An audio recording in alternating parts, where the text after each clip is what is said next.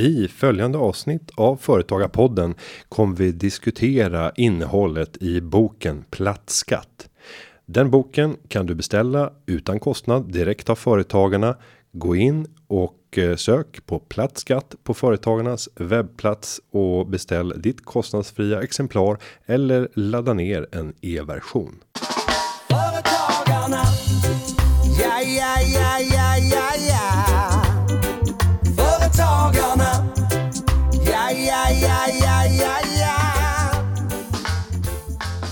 Välkomna till Företagarpodden. Jag heter Günther Mårder och är vd på Företagarna. Sommaren är nu snart till ända. Det låter dramatiskt, men vi ska fira detta genom en alldeles särskild inbjuden gäst. Patrik Krasén, vår skattepolitiska expert på Företagarna. Välkomna till podden. Stort tack.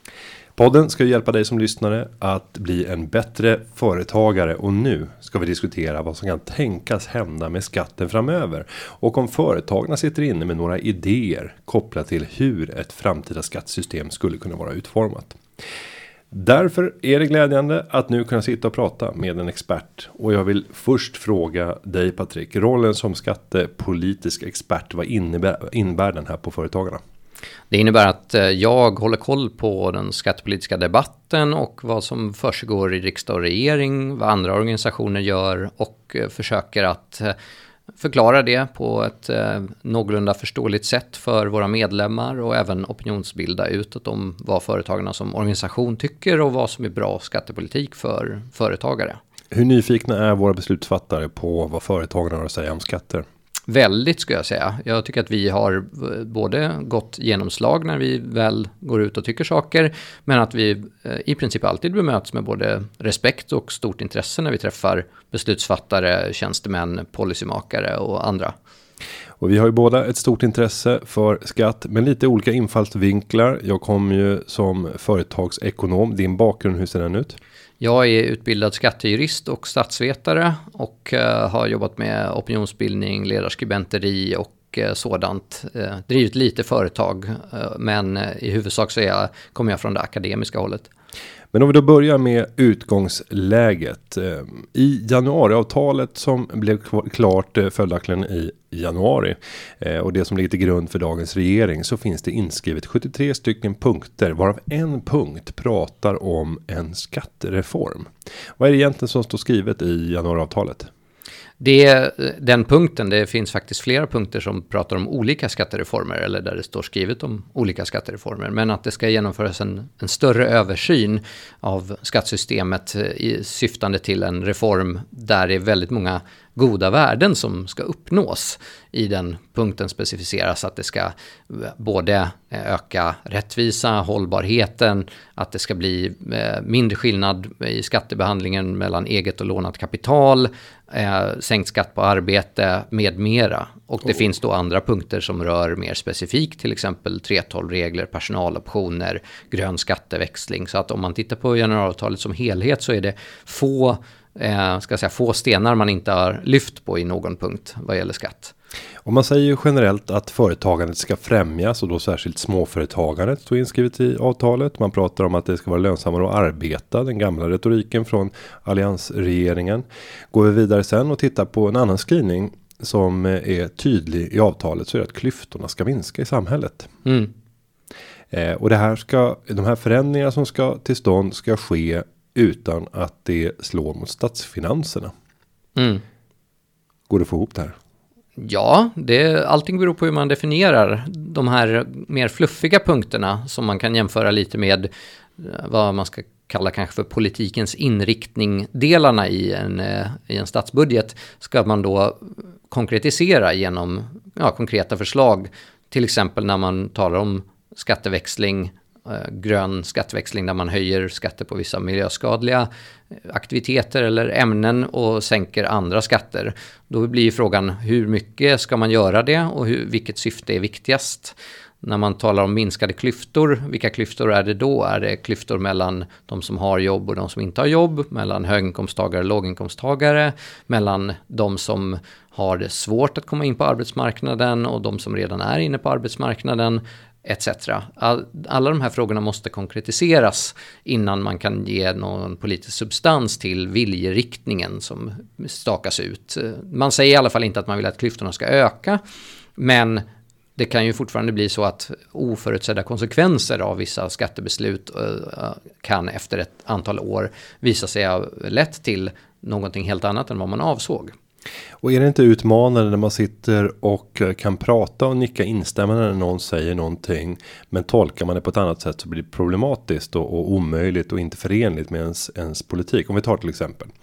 Eh, när du pratar om att öka drivkrafterna i samhället och att det ska löna sig att arbeta. Då är det ju lätt för de allra flesta att nicka instämmande och säga att ja, men det är väl bra om det finns drivkrafter och det ska löna sig att arbeta. Mm. Eh, men om man samtidigt vet att skillnaden mellan den som har ett jobb och den som inte har ett jobb därmed kommer att stiga. Så kommer mm. det vara många som har politiska synpunkter på det.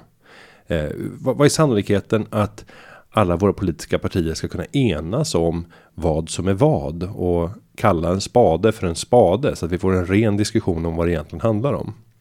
Det är nog inte så hög sannolikhet. Det är ju trots allt så att politiska partiers existensberättigande är att de skiljer sig från varandra. Ett, ett parti måste på något sätt differentiera sig från andra partier för att kunna visa för sina medlemmar och sina väljare varför man ska rösta på just det partiet.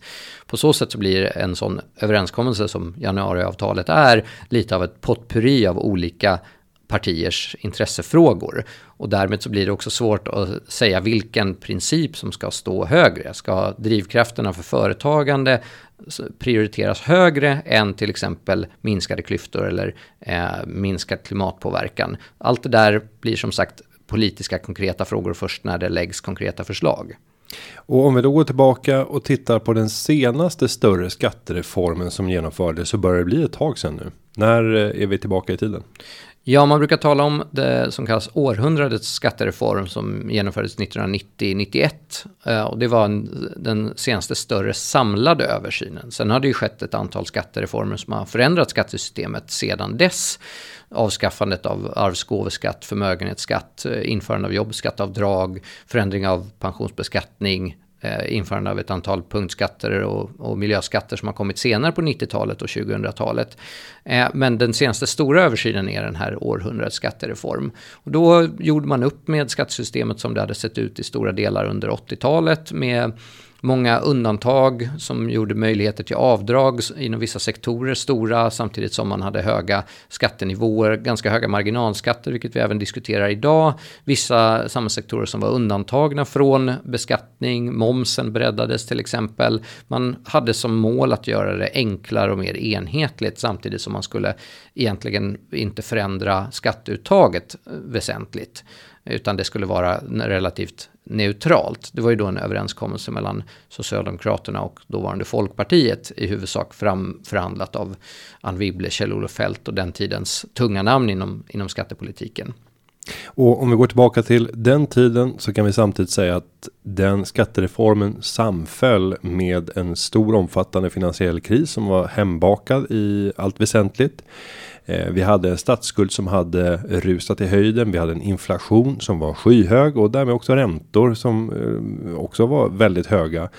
Om vi nu tittar på förutsättningarna idag så ser de ju annorlunda ut. Våra statsfinanser är väldigt goda. Vi har en lägre statsskuld än vi har haft sedan 70-talet någon gång tänker jag. Mm.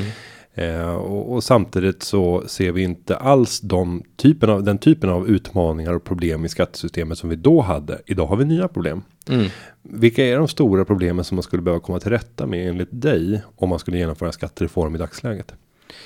Jag tror inte att man kan eh, göra en stor skattereform som löser alla problem. Jag tycker man ska fokusera på de enskilda problem som man kan lösa på de skatteområdena.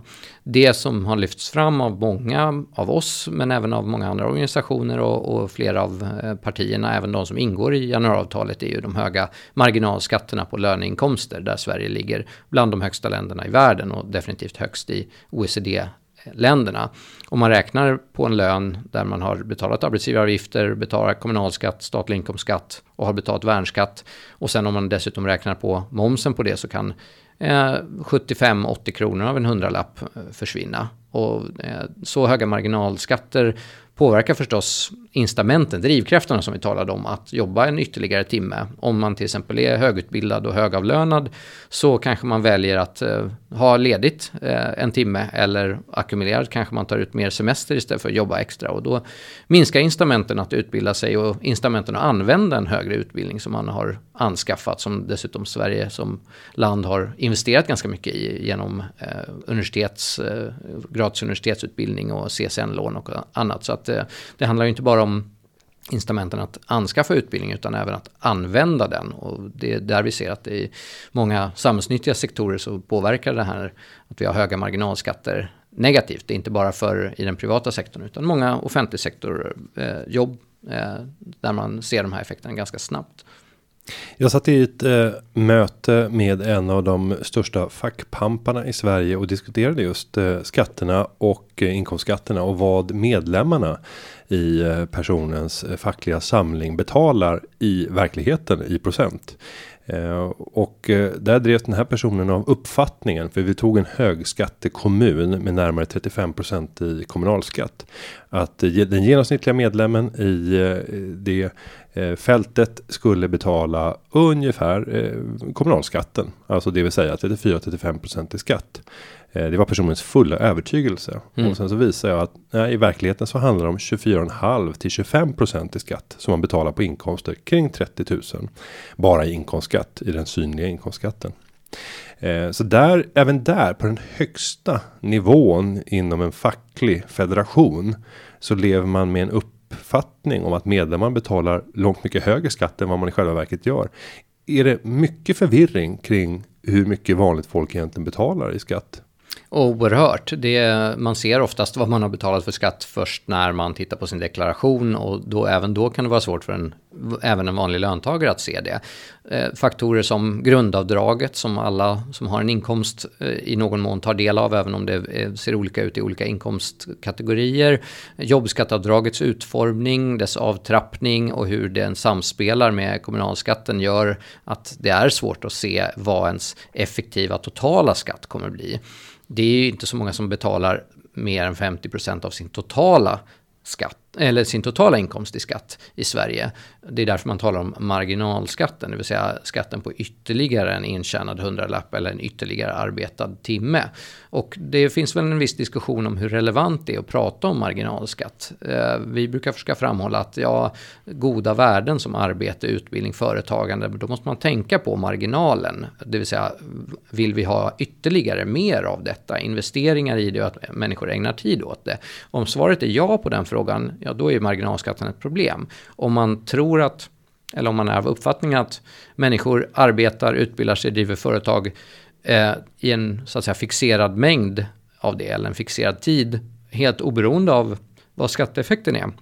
Då spelar förstås inte marginalskatten speciellt hög roll. Och eh, det är svårt att, se, svårt att säga eh, exakt vad en genomsnittlig löntagares skatt är om man, inte, om man inte kan se till exempel på kommunalskatt och eh, brytpunkt för statlig inkomstskatt var den ligger även för den personen själv. Och sen ska vi addera arbetsgivaravgiften som i grunden är tänkt som en eh, socialförsäkring där vi betalar in till oss själva och där du har ett individuellt skydd där du bygger upp värden. Men det är ju ganska snabbt som det försvinner. Men när det gäller inbetalningar till det sociala försäkringssystemet. Men däremot så fortsätter ju arbetsgivaravgiften oförtrutet oavsett hur mycket du tjänar. Mm. Eh, borde det få heta arbetsgivaravgift efter den nivån där man slutar betala in till eh, vårt socialförsäkringssystem? Ja, det har ju benämnts på andra sätt. Ibland kallar man det för löneskatt. I OECD kallar man det både för eh, wage tax, payroll tax, employer tax eller employer contribution. Det finns en uppsjö namn för det här.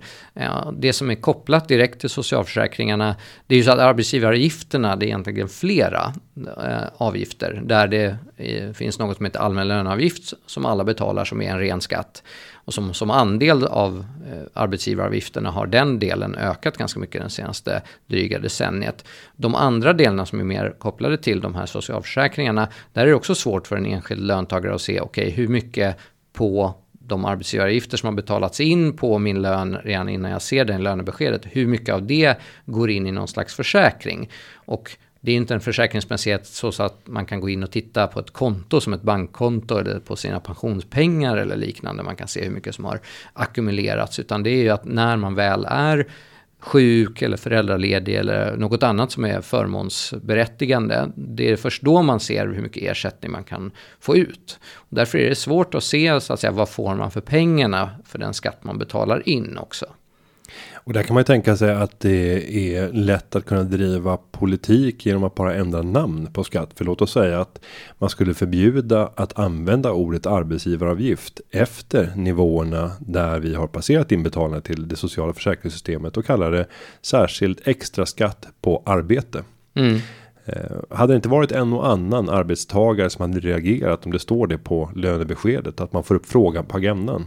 Ja, man skulle ju kunna ganska enkelt eh, säga att eh, arbetsgivare ska eh, skriva ut på ett lönebesked hur mycket arbetsgivaravgifter som har betalats in och kanske till och med specificera upp de summorna som är försäkringskopplade och de som är ren skatt. För över en brytpunkt så är ju inte arbetsgivaravgifterna förmånsgrundande eller man har, når ett tak då i, i socialförsäkringssystemet. Och för löntagare som ligger över de inkomsterna så är ju 100% av arbetsgivaravgifterna skatt. Man kan argumentera för att även för de som ligger under det taket så är arbetsgivaravgifterna en skatt eftersom det går in till staten det finns ingen direkt individuell försäkringskoppling så som det gör på, i ett eh, så att säga, normalt försäkringsförhållande. Eh, OECD när de tittar på det här så behandlar de det som en skatt och eh, det handlar ju om ett åtagande från staten där även någon som inte kanske arbetat speciellt länge har rätt till vissa nivåer av socialförsäkringsersättningar. Det handlar inte om att man måste bygga upp ett sparande över, över tid utan det är kopplat till eh, inkomstnivåer Eh, och eh, kanske också i viss mån ens kollektivavtal om man är kollektivavtalsansluten. Men om vi tar ett, eh, gör lite halvhalt där i bakgrundsdiskussionen så tänker jag att vi går in och blickar framåt. Om man nu ska sia kring eller formera någon typ av modell som eh, skulle kunna vara gångbar i ett framtida skattesystem. Så har du tillsammans med en medförfattare skrivit boken Platt skatt som släpptes här i juni. Och där skulle det vara intressant att höra vad innebär platt skatt eller proportionell proportionell skatt som man ibland benämner det. Mm, enkelt uttryckt som vi eh, framhåller i boken så skulle man i Sverige kunna få en platt skatt på arbetsinkomster genom att ta bort den statliga inkomstskatten och bara därmed ha kommunalskatt. Så då blir det en platt skatt över ett grundavdrag på löneinkomster. Eh, I andra länder som har modeller med platt skatt eh, så finns det olika utformningar. Vissa länder har att det är samma skattesats för både bolagsskatt, inkomster och moms. Då är det väldigt enkelt och transparent. Medan en del andra länder har eh, vissa differentieringar där man kanske har en platt inkomstskatt på arbete men eh, skillnader i moms och så kanske man har en högre eller en lägre bolagsskatt. Så det, eh, platt skatt som modell är mer kanske en beskrivning hur det ser, ser ut för den skattskyldige än om man tittar på det totala skattesystemet. Men det vi föreslår är att man ska ta bort den statliga inkomstskatten, helt enkelt fortsätta med det som man har aviserat vad gäller avskaffandet, avskaffandet av värnskatten. Att att incitamenten för ytterligare arbete behöver stärkas och eh, den statliga inkomstskatten gör att det blir en skevhet i beskattningen eh, av arbetsinkomster respektive kapitalinkomster som vi tror man skulle kunna också komma, kunna komma till rätta med genom att ta bort den statliga inkomstskatten och ha en platt skatt. Men vi har ju en platt i princip en platt eller proportionerlig skatt på kapitalinkomster, även om eh, skattenivåerna skiljer sig för lite olika kapitalinkomsttyper. Men det är ändå så att den är proportionerlig, det vill säga den ökar inte, skattesatsen ökar inte med, eh, med inkomsten. Och om vi eh, ska förstå då hur staten finansierar sig, för då tänker nog många att om man skulle ta bort den statliga inkomstskatten, skulle inte staten då förlora stora intäkter och därmed omöjliggöra att finansiera allt det som är statens åtagande? Men hur stor andel utgör egentligen inkomstskatterna av statens totala inkomst? Det är bara en bråkdel. Ja, den statliga inkomstskatten eh, och värnskatten, eh, det är knappt 3% av de totala skatteintäkterna. Den stora bulken, det är kommunalskatter, arbetsgivaravgifter och moms den statliga inkomstskatten, det har Magdalena Andersson också sagt, att, eller den progressiva skatten ska sägas, och därmed den statliga inkomstskatten i huvudsak, det är bara lite ovanpå så att säga. Det är inte det som gör att vi kan ha en hög nivå av välfärdsåtaganden i Sverige. Och därmed så finns det inte heller något hot mot en generell välfärd eller en välfärds, eh, välfärdsmodell med hög kvalitet eh, och höga ambitioner vad gäller eh, offentliga utgifter om man tar bort den statliga inkomstskatten. Eh, det man eventuellt kan fråga sig är på hur lång sikt kommer det vara självfinansierande, det vill säga hur snabbt kommer ytterligare arbete och företagande och sparande och sådant att eh, göra att det initiala skattebortfallet eh, kompenseras för i, i statsbudgeten. Där finns det lite olika nationalekonomiska beräkningar men det är alls ingen omöjlighet. Snarare så tror jag att det är någonting som om den politiska viljan finns så skulle man kunna genomföra det på inte allt för lång tid och det skulle ha goda effekter både för skattesystemet som helhet men för incitamenten för ytterligare arbete, utbildning, företagande.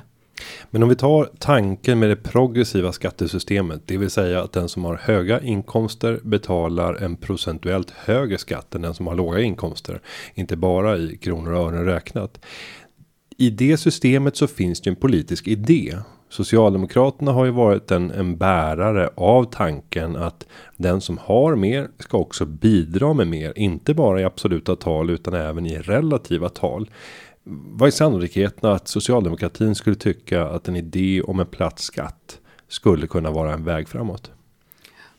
Ja, kan, man kanske inte ska förvänta sig att Socialdemokraterna själva kommer att vända från eh, vad som har varit inställningen i skattepolitiken i, i ja, 100 år eller något sådant. Utan det kommer behöva ske utifrån överenskommelser med andra, så som avskaffandet av värnskatten nu är. Det är inte någon kärnfråga som Socialdemokraterna har drivit, utan det är något som de har fått eh, genomföra då eh, som del av januariavtalet. Men även socialdemokrater som kan titta på skattesystemet och se effekten av vissa skatter på ekonomin och som är intresserade av att Sveriges ekonomi ska fungera väl och att vårt välstånd ska öka och att eh, incitamenten för goda aktiviteter arbete, utbildning etc. är viktiga. Även sådana socialdemokrater kan argumentera för varför en eh, mindre progressiv skatt eller till och med en platt skatt skulle kunna vara motiverat. Eh, vi lyfter i boken fram till exempel att eh, Ehm, hur blir man rik? Går det att arbeta sig till att eh, bli rik om man kommer till exempel till Sverige utan tillgångar eller föds utan tillgångar? Går det eh, under ett arbetsliv att arbeta ihop till en eh, förmögenhet? Ja, det gör det ju genom arbete och sparsamhet. Men vad är incitamenten till det? Incitamenten är ju mycket större att snarare göra något eh, klipp på bostadsmarknaden eller att eh, genom ett arv bli rik eller så.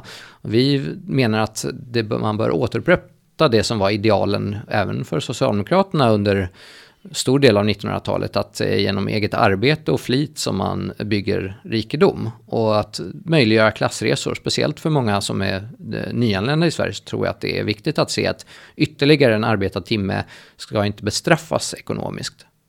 Och ett bra exempel för att få igång en, en diskussion som eh, blir mer nyanserad. Det brukar alltid vara att istället för att prata om höginkomsttagaren som har 70 000 kronor i månaden att bryta upp det och säga att låt oss säga att vi har en en nyanländ som har kommit till Sverige utan kapital men en enorm arbetskapacitet som har bestämt sig för att göra en resa. Personen har en viss utbildning så kan få ett eh, rätt så kvalificerat jobb där de får 35 000 kronor i månaden. Utöver det så kan de ta ett rätt tungt jobb där de får lite olika risktillägg som också ger 35 000 kronor om de skulle stå beredda att jobba 16 timmar om dagen. Eh, om det bara jobbade vardagar. De kan fördela jobbet så att de även jobbar på helger och därmed inte har lika långa arbetsdagar. Så istället för vanliga som vanliga människor har ett jobb så har de här två jobb. Nu börjar situationen likna en företagare i arbetsmängd. Mm. Men i det här läget så är det lättare att föra en diskussion om eh, vad är effekterna av det här ytterligare extra arbetet. Mm. Eh, vad får personen behålla på sitt andra jobb. Då får man igång en mer nykter diskussion om hur systemet är utformat. Men det är väldigt sällan man hör den här typen av, av jämförelse utan man pratar om just höginkomsttagarna. De har minsann råd att betala. Hur ska vi kunna få igång en, en bättre diskussion som fokuserar på problemen i systemet? Jag tror att man måste lyfta fram just sådana här situationer och förändringen av ekonomin och arbetsmarknaden. Jag tycker ett talande exempel från Frankrike var den här gula västarna-rörelsen som är lite svår att eh, säga, definiera vad egentligen är den grunden för, eh, eller vad grunden är för den, var det politiskt kommer ifrån. Men det var i alla fall en eh, väldigt uppmärksammad och, och får man säga framgångsrik kampanj de förde mot Emmanuel Macrons reformer under eh, slutet av 2018. Och ett krav som de gula västarna, som använde sig av ganska våldsamma metoder förvisso, men ett krav de ställde var att man skulle slopa skatten på övertidsarbete.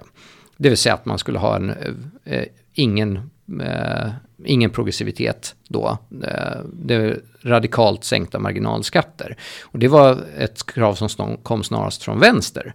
Alltså det var sådana som såg att eh, för att för mig för någon som kanske tar ett extra jobb eh, och är inte rik utan är, kanske står en bit ner på samhällets, samhällsstegen så att säga, men vill uppåt, så bestraffas jag om jag tar ett extra jobb eh, eller jobbar övertid. Så det drevs inte på så att säga av några högavlönade, högutbildade som ville behålla mer i sin redan Eh, sin redan stora lönekuvert. Utan det drevs på av sådana som vill ha incitament att jobba mer och därmed tjäna mer. Och jag tror att det kan vara en sån situation i Sverige i viss mån också, när man pratar om incitamenten för vitt arbete.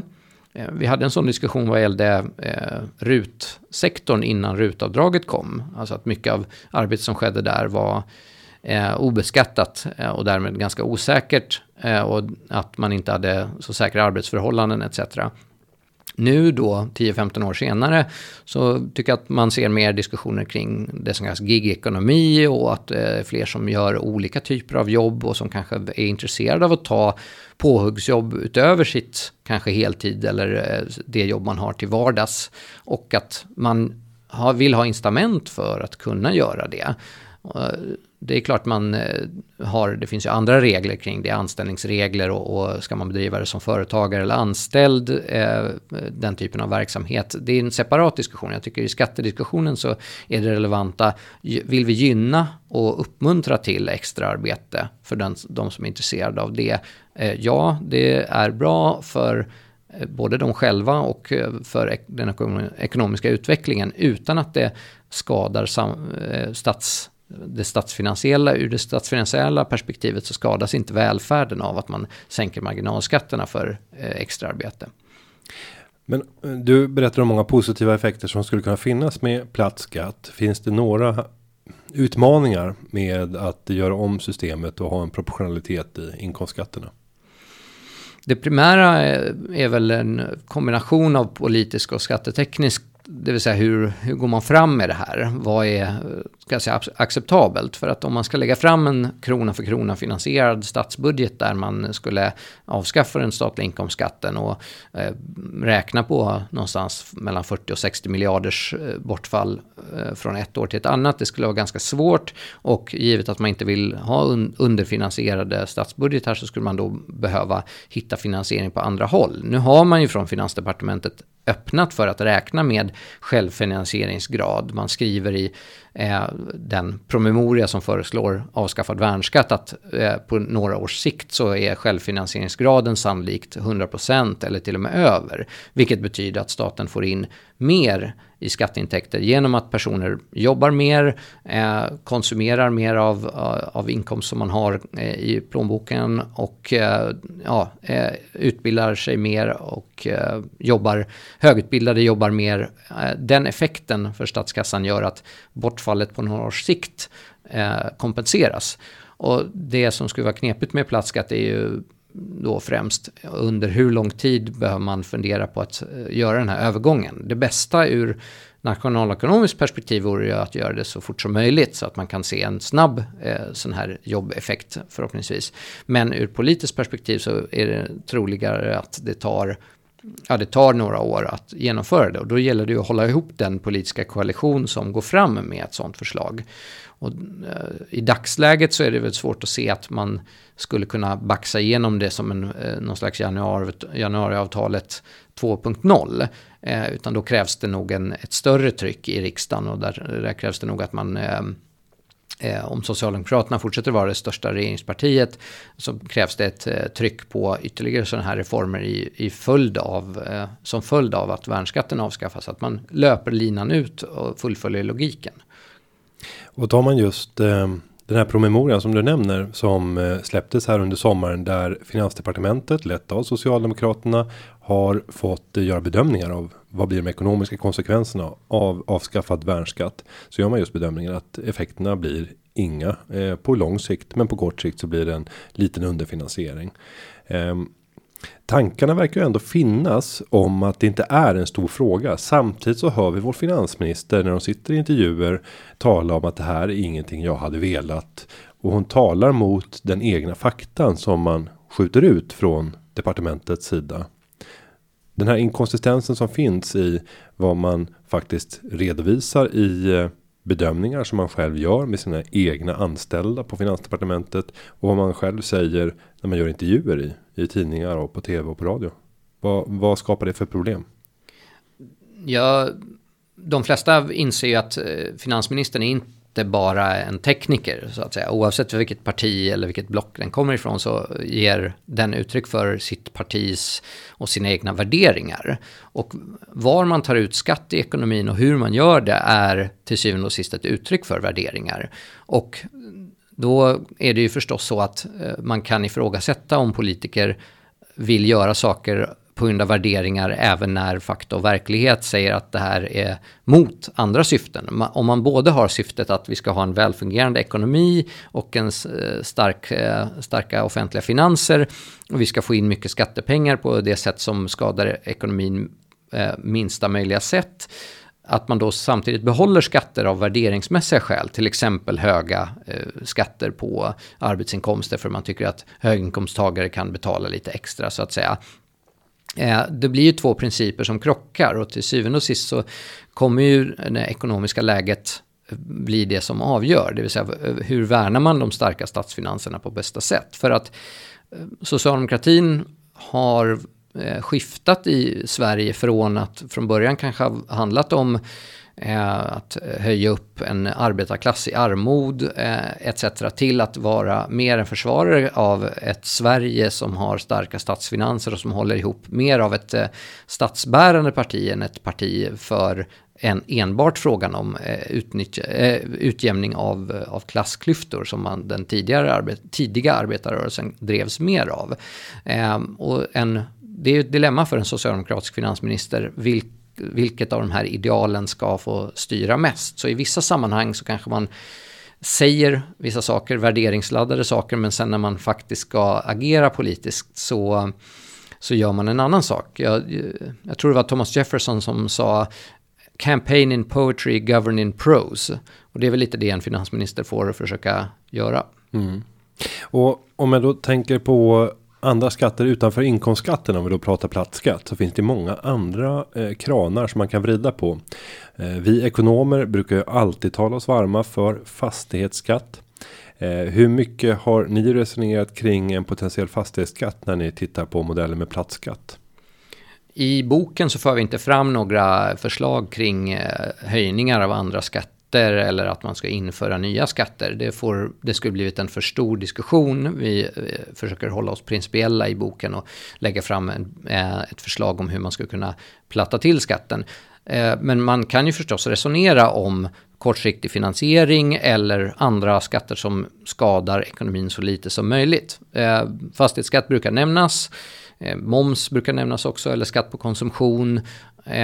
Och Eh, det är klart att man kan eh, tänka sig en fastighetsskatt som är utformad på ett annat sätt än den nuvarande till namnet kommunala fastighetsavgift som vi har. Eller att man, har en, man skulle lägga en fastighetsskatt utöver den kommunala fastighetsavgiften på vissa, eh, på vissa värden på fastigheter. Men det är svårt att komma ifrån att man kommer ha, så länge man har taxeringsvärdet som grund så kommer man ha den gamla fastighetsskattens orättvisa i grunden. Att eh, någon som inte har pengar men som plötsligt får en eh, stark höjning av taxeringsvärdet på sin bostad kommer att ha svårt att betala den skatten. Och det, det, det sticker i ögonen på många. Man brukar ju ur nationalekonomiskt perspektiv prata om de stabila skattebaserna. Det man eh, kan beskatta och från statens sida vara rätt säker på att man får in hyfsat mycket skatt Eh, från. Och då talar man ju lite skämtsamt om 4F då, fastigheter, föda, fordon och fattigt folk. Att det är bra att beskatta ur statens synpunkt för att då får man in pengarna. Men det råkar ju också vara så att de 4F är kanske de skatter, eller de skattebaser ska sägas, som folk blir mest, vanliga människor blir mest upprörda över. Just eh, låginkomsttagare eller personer utan någon större kapitaltillgångar som måste betala hög fastighetsskatt. Eh, personer som är beroende av sin bil som plötsligt ska betala ytterligare höjd eh, drivmedelsskatt eller någon annan typ av skatt. Eh, människor som inte har möjlighet att flytta och när man säger föda då är det ju kanske främst livsmedelsmomsen som ju då är halverad. Det var ett av de första avstegen man gjorde från den här enhetliga momsen som var eh, som var eh, målet man hade med i århundradets skattereform. Ett av de första avstegen man gjorde utöver att eh, inrätta värnskatten då var också att halvera livsmedelsmomsen. Där har kommit en rapport från Riksrevisionen förra året som visar att det är inte ett så bra eh, verktyg ska sägas för att utjämna klyftor eller så att säga att underlätta för låginkomsttagare och barnfamiljer. Utan det skulle man kunna göra genom andra verktyg, genom riktade bidrag eller så. För den halverade matmomsen gynnar ju alla, även eh, höginkomsttagare som eh, köper mat. Så därmed så är det ett trubbigt instrument för att uppnå de målen. Så det, det, är klart att det finns, eh, det finns många skatter. Det finns skatter på, ja, inom det som kallas för grön skatteväxling, olika typer av miljöfarliga verksamheter eller konsumtion som man tycker är att man ser skäl att minska.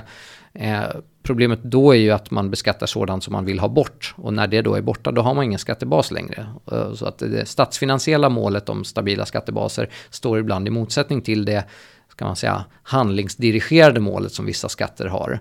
Eh, skatt på snus, alkohol eller tobak, alkohol och eh, annat eh, är ju både till för att få oss att konsumera kanske mindre av det men också till för att dra in pengar till eh, statskassan. Och samtidigt kan vi säga att eh, just den typen av skattebaser på produkter som är starkt beroendeframkallande är enklare eh, än saker som inte är beroendeframkallande där vi faktiskt kan ändra och styra om vårt eh, inköpsbeteende så att vi köper saker som eh, på olika sätt undkommer den skatten. Om vi tar miljöskatter, mm. ett annat sånt exempel.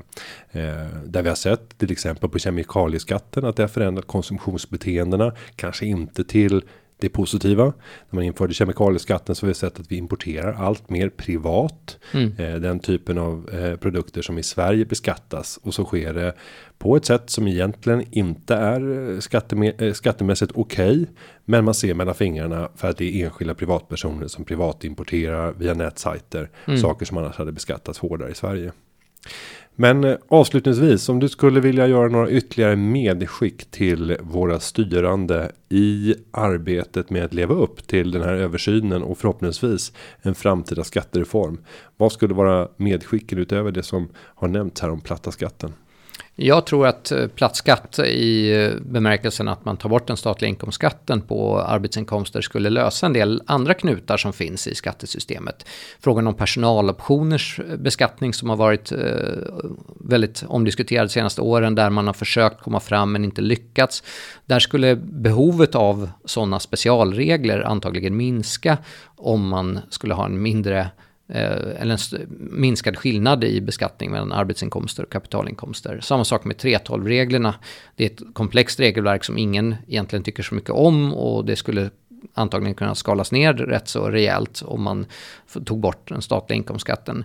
Så att jag tror att man ska se det inte bara ur perspektivet att hur många miljarder faller bort eh, i statsbudgeten initialt utan även eh, ur perspektivet kan det här förenkla skattesystemet. Och in, ska man inte glömma heller rättssäkerhetsperspektivet. Att ett krångligt skattesystem med svåra gränsdragningar som inte är speciellt förutsägbart leder också till fler rättsprocesser där enskilda och företagare får eh, gå till domstol för att hävda sina rättigheter gentemot Skatteverket och mot statsmakterna. Och eh, det är ju inte bra i grunden att man ska behöva göra det. Det är förstås bra att man har möjlighet att gå till domstol och det, det ska vi värna. Men ett skattesystem ska inte vara processdrivande och krånglighet och eh, stora skillnader mellan olika inkomstslag vad gäller beskattning eh, är ur det perspektivet ingenting bra.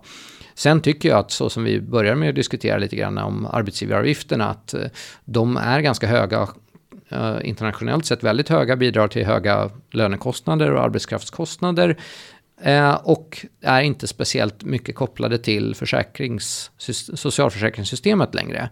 Där tror jag att man skulle behöva göra en översyn där man tittar på hur mycket är faktiskt sånt som går till socialförsäkringarna, hur mycket är ren skatt och hur ser legitimiteten i den typen av dold beskattning ut? Vad gäller, för det är ju något som träffar alla löntagare i Sverige oavsett om de vet om det eller inte. Och om du skulle få välja ut ett land som du tycker att vi ska inspireras av särskilt när vi går in i ett reformarbete på skatteområdet i Sverige. Vilket land skulle du peka på som en bra inspirationskälla? Ett land som har lyckats införa plattskatt och hålla sig till en plattskattemodell och samtidigt varit framgångsrikt under den tiden är ju Estland. Eh, det sägs att eh, Mart Mart som var eh, premiärminister i Estland under de första åren efter befrielsen, att han träffade Carl Bildt och sa hur borde man utforma ett skattesystem nu när vi ska ha en ny ekonomi. Och Carl Bildt sa då, det här är tidigt 90-tal, att titta på det svenska systemet och så gör ni rakt tvärtom. Det vill säga inte så mycket undantag, inte så mycket olika nivåer utan så enkelt och transparent som möjligt. Och eh, det har Estland jobbat med. Men det kan man göra i ett litet land som också får börja med så att säga ett blankt papper och skriva sitt system från scratch.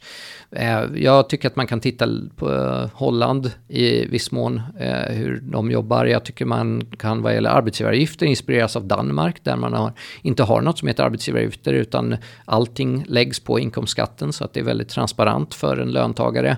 Ehm, och jag tycker att eh, man måste vad gäller bolagsbeskattningen fortsätta att ha ögonen västerut vad USA och UK, speciellt efter Brexit, gör.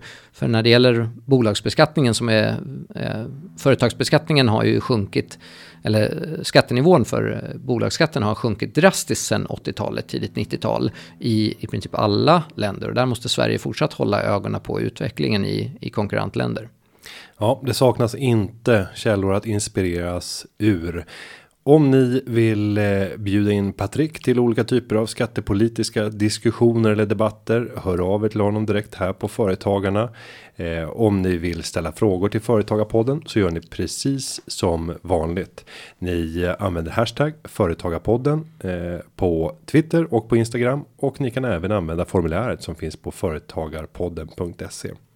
Den bok som Hans Peter Larsson och Patrik Krasén har skrivit som heter Plattskatt går även att beställa och det utan kostnad. Jag säger igen utan kostnad. Gå in på företagarnas hemsida, sök på plattskatt så hittar ni lätt sidan där ni kan beställa ditt exemplar av boken och har du tur så kanske den även blir signerad av Patrik. Det såg jag så sent som i morse. Mm. Med det Patrik, stort tack för att du kom till Företagarpodden. Tack själv. Och jag ska säga att eh, podden har förberetts av David Hagen och klippningen den är gjord av Linda Aunan Edvall. Tack och hej. Företagarna, ja, ja, ja, ja, ja, ja. Företagarna, ja, ja, ja, ja, ja, ja.